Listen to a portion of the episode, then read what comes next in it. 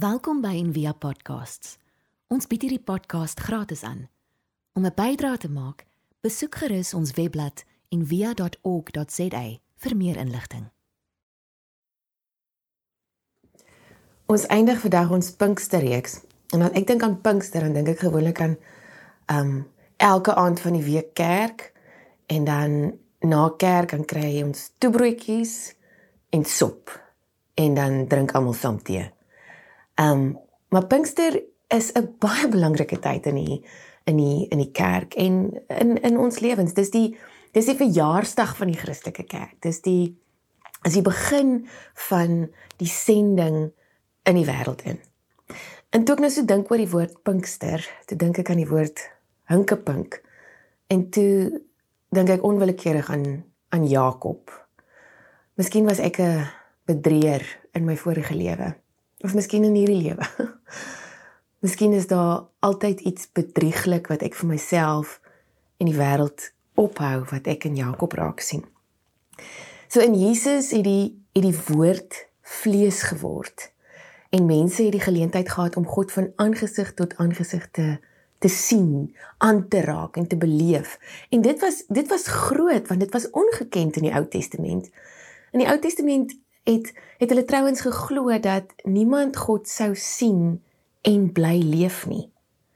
Niemand behalwe 'n man wie se naam bedrieër en plaasvervanger beteken het nie.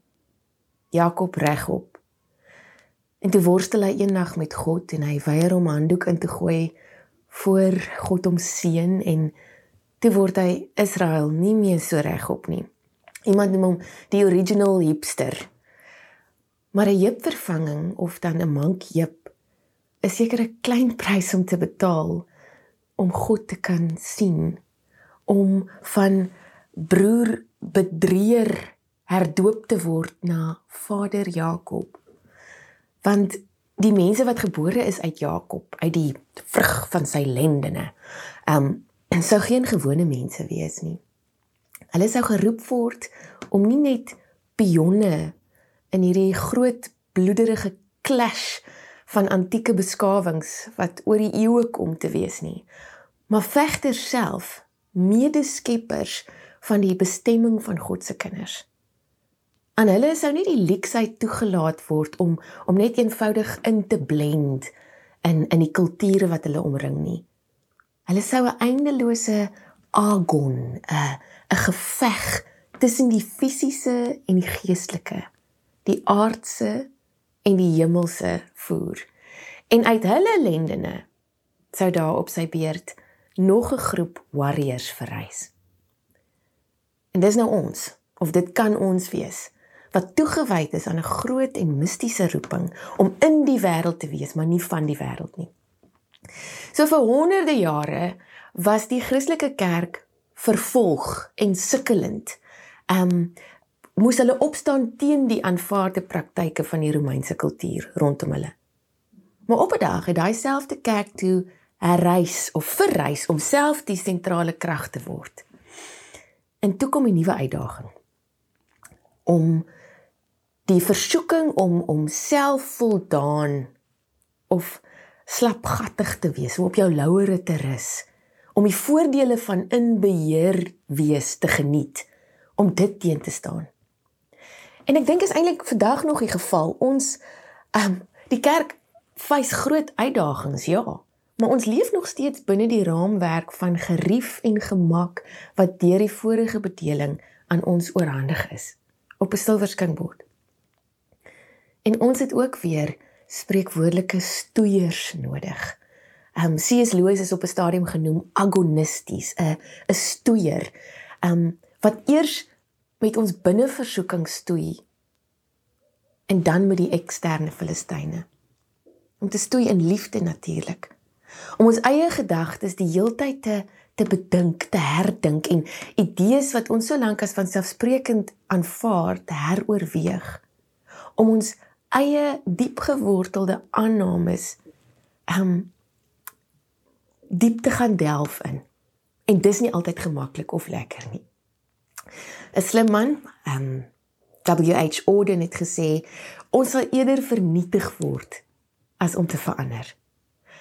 Ons sal eerder sterf in ons vrees as om die kruis van die oomblik te klim en ons illusies te laat doodgaan. Iemand beskryf hierdie ontmoeting van van Jakob met God so. Hy sê a man was left wounded but intact. Gewond maar heel. Beseer maar ongeskonde. So hinkepink en tog so pinkster. Presies soos Pinkster met die disippels gemaak het. Voor die uitstorting van die Heilige Gees, ehm um, was hulle bloot disippels en hulle word ook altyd so uitgebeeld in die kunswerke. En na Pinkster word die disippels apostels en word hulle ewe skielik uitgebeeld met strale kranse, uh bo hulle koppe. Jakob word Israel.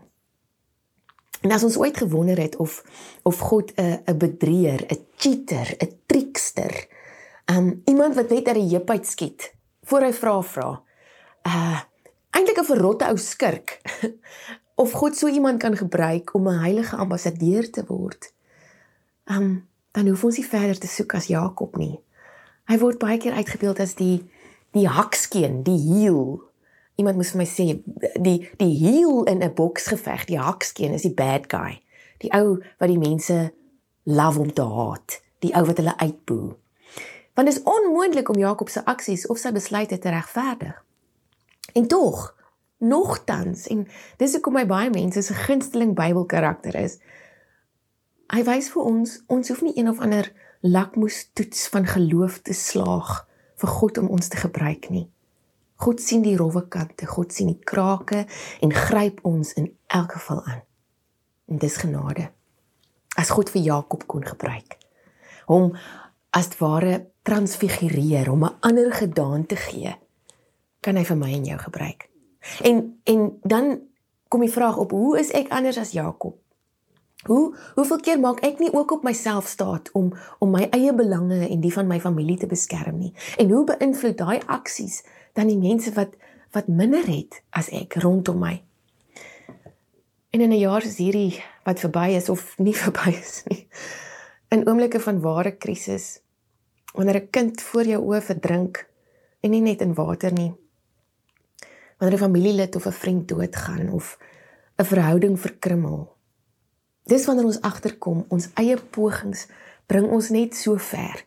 Dis eers wanneer ons by die einde van ons game plan is, wanneer ons agterkom dit wat ek kon bedink het my nou net so ver gebring en en nie verder nie.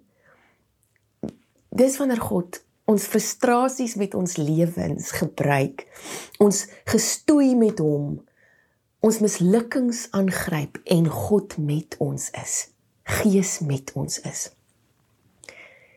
So dan kom die vraag, die volgende vraag op. Hoekom draai ons nie elke dag na God toe nie? Hoekom het ons 'n krisis nodig? Hoekom maak ons op onsself en ons eie kragte staat um tot ons eie probleme ons oorweldig? En ek dink die antwoord lê in Jakob se heup. Interaksie of encounter met God het gevolge. Niemand wil met 'n mankie rondloop nie. Wie wil hinkepink deur die lewe gaan? Wie wil nie eers toe oor die wenstreep gaan nie? Hoe nader ons aan God is of eerder hoe nader ons God toelaat aan ons, hoe moeiliker raak dit om om die goed te doen wat ons dink ons sal laat floreer in hierdie wêreld, wat ons sal laat wen. In haar boek Accidental Saints skryf die literaanse pastoor Nadia Bolts-Weber Sy skryf 'n toegewyde jong student vra eendag vir haar pastor Nadia, um what do you personally do to get closer to God? En voor sy nog kon besef, toe vlieg dit uit haar mond uit. Nothing. What? It sounds to me like a terrible idea to try to get closer to God. En sy verduidelik dit. Sy sê die helfte van die tyd hoop ek God wil my net uitlos. Want om nader te wees aan God, mag beteken dat ek gesê word om iemand lief te hê waarvan ek nie eens hou nie. Dit mag gesê word dat ek nog van my geld moet weggee of nog erger, my kosbare tyd. Dit mag selfs beteken dat ek dat ek iets wat my na in die hart lê, eintlik na in die heup lê, moet laat gaan, 'n droom of 'n idee. Daar's altyd een ding in ons lewe. Um wat ons mank maak. Een ding wat ons nie kan fix nie, een ding wat ons nie kan beheer nie, een ding wat ons nie kan verduidelik of verander of verstaan nie. En dis gewoonlik die goed wat God gebruik. Um om ons nader te trek. En ons kan kies om hom op afstand te hou tot ons hom regtig nodig het. Of ons kan kies om te antwoord op God se liefde ten spyte van te midde van die gevolge vir ons. En daai keuse mag ons laat bewe van bangheid, maar dit maak 'n hele nuwe wêreld oop. Een wat ons nie sou kon ervaar as God ons alleen gelos het nie.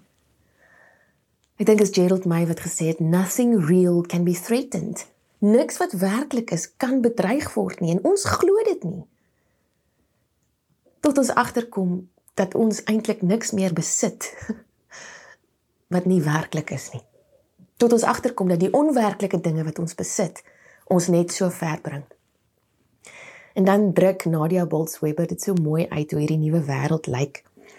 Sy skryf dat te midde van al haar mislukkings God iets moois deur haar doen wanneer sy so gekonfronteer word met die genade van die evangelie dat sy nie haar vyande kan haat nie. Wanneer sy nie reg kry om iemand anders se tekortkominge te veroordeel nie omdat haar eie te veel in die pad is. Wanneer sy getuie moet wees van iemand anders se pyn ten spyte van haar eie behoefte om alleen gelos te word. Wanneer sy vergewe word deur iemand, selfs al verdien sy dit nie omdat haar vergewer net so vasgevang is in die evangelie. Wanneer traumatiese goed gebeur in die wêreld waarvan sy nie kan sin maak nie en elke week 'n gemeenskap het om saam met haar te rou en te bid. En dit mag dalk die moeite werd wees om 'n jip uit sy potjie te kry. So Pinkster is 'n herinnering dat wanneer ons aanbidding afgesny is van ware geregtigheid en net 'n ritueel is, um, waardeur niemand verander nie. Wanneer ons lewens meer op ons bankrekening as op ons God staat maak, wanneer ons godsdiens in diens staan van ons eie persoonlike behoefte daaraan om cosy en veilig te voel. Wanneer ons Jesus se radikale boodskap vervorm om ons kerkprogram te dien, dan leef ons nie in die teenwoordigheid van die Gees nie. Elia Delio het geskryf God is doing new things Jesus proclaimed but only those with new minds and hearts can see a new world breaking through the cracks of the old So met Pinkster met die uitstorting van die Heilige Gees en met Jesus wat gegaan het die die verlies aan Christus moes sy volgers aan die een kant verlam, ontwortel, gekraak laat voel het. En tog het Jesus dit oor en oor in hulle koppe probeer kry dat ten einde 'n nuwe verbeelding te kan omhels, 'n nuwe wêreld, moet die ou een eers ontrafel. Richard Rohr skryf, hy sê dink maar aan jou eie ervaring. As jy 'n kraak sien, soos in jou huis of in jou vel, met ander woorde 'n plooi, wat is jou eerste instink? Druk die stukke weer saam en patch dit op. En uiteindelik kom 'n kontrakteur dan met die slegte nuus. Hierdie skade is te diep en as jy dit nie aanspreek nie, gaan die hele struktuur fundamenteel meegee. Jy sug en onderhandel. En dan skryf Vroor verder en hy sê ek weet nie van jou nie, maar ek het 'n verrassende kapasiteit om myself te mislei voor ek erken hoe stikkend die struktuur is. Met genoeg duct-tape en tou kan ek enigiets fix. Enigiets kan terugkeer na normaal. Maar dis soos om die dekstoele op die Titanic rond te skuif terwyl die orkes al nader my God begin speel. To rearrange the deck chairs on the Titanic. Dit help niks. Dis onwerklik. En hierdie is so tyd vir die kerk. En vir elkeen van ons. 'n Kerk en mense wat wat teruggebring word op hulle knieë deur ontwrigting en ontnigtering en agteruitgang mag dalk 'n minder arrogante en aanmatigende kerk wees. Dit mag minder illusies hê oor sy eie mag en beheer. Dit mag weer nuuskierig word, nuuskierig word oor die goeie nuus, die evangelie. So 'n kerk mag dalk minder gewillig wees om kragte saam te span met die empire, met die met die who's who, met die magte wat in beheer is. Wat die kerk vir baie lank gedefinieer het. En ons mag dalk uiteindelik erken hoe nodig ons die die ware krag en wysheid van die Heilige Gees het. Dis 'n kerk waarmee God kan werk. Dis 'n mens waarmee God kan werk. En ek glo vas dat hierdie so tyd is vir ons. Ons is Christus se liggaam en ons is ontwortel, maar terselfdertyd diep gegrond. Onvas op ons voete en styf teen God se bors. Gewond en verwonderd. So Pinkster is 'n oproep vir elkeen van ons om in die volle krag van die Gees te leef.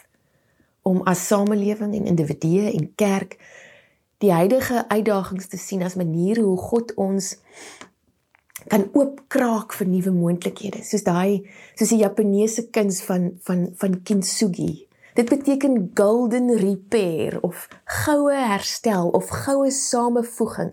Dit vat die stikkendheid, die gebreekheid en die herstel as deel van die geskiedenis van die objek. Dit steek niks weg nie, dit wys dit. Die goud skyn deur die krake.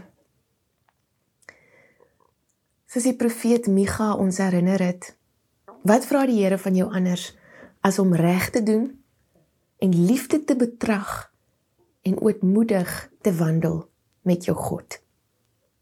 To do justice, to love kindness and to walk humbly with your God.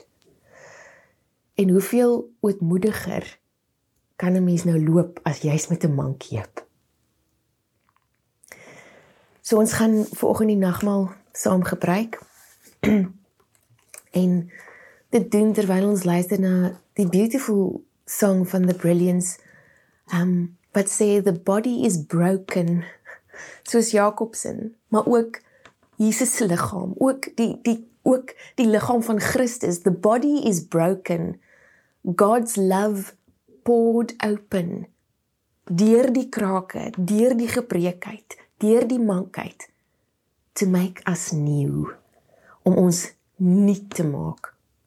So die nagmaal is 'n gedagtenismaaltyd, ons ons onthou, maar dit is ook 'n waarborg dat Christus met ons is. Dis 'n viering van die gemeenskap met die lewende Here en met mekaar. En dan is dit ook 'n verkondiging van ons toekomsverwagting, van hierdie nuwe verbeelding, van ons hoop wat gefestig is op nie op 'n uitkoms nie, maar op Christus self. En dan is dit 'n vreugdefees. Um en ten slotte 'n fees van dankbaarheid. Die Heilige Gees verseker ons deur die tekens van brood en wyn van die heil, die heelwording wat ons in Christus deelagtig is. Kom ons gebruik die nagmaal saam.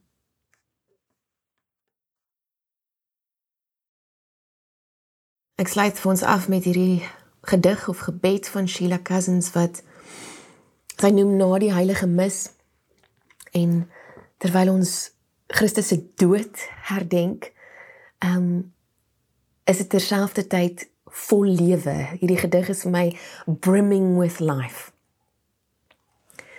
U het my gevul met die brood van blydskap. Kyk hoe leef ek en leef my omgewing. Alles bespring my aandag om u te begroet en omgeef van te wees. Transfigurerende kragveld. Jesus. Talm. Ek bid u. 'n uur, nie ure deurgloei elke sel en molekuul want so was dit van nature eenmaal sal dit weer wees. U triomfantelike wil. Amen. Ons hoop van harte jy het hierdie podcast geniet of raadsaam gevind. Besoek gerus en via.ok.za vir meer inligting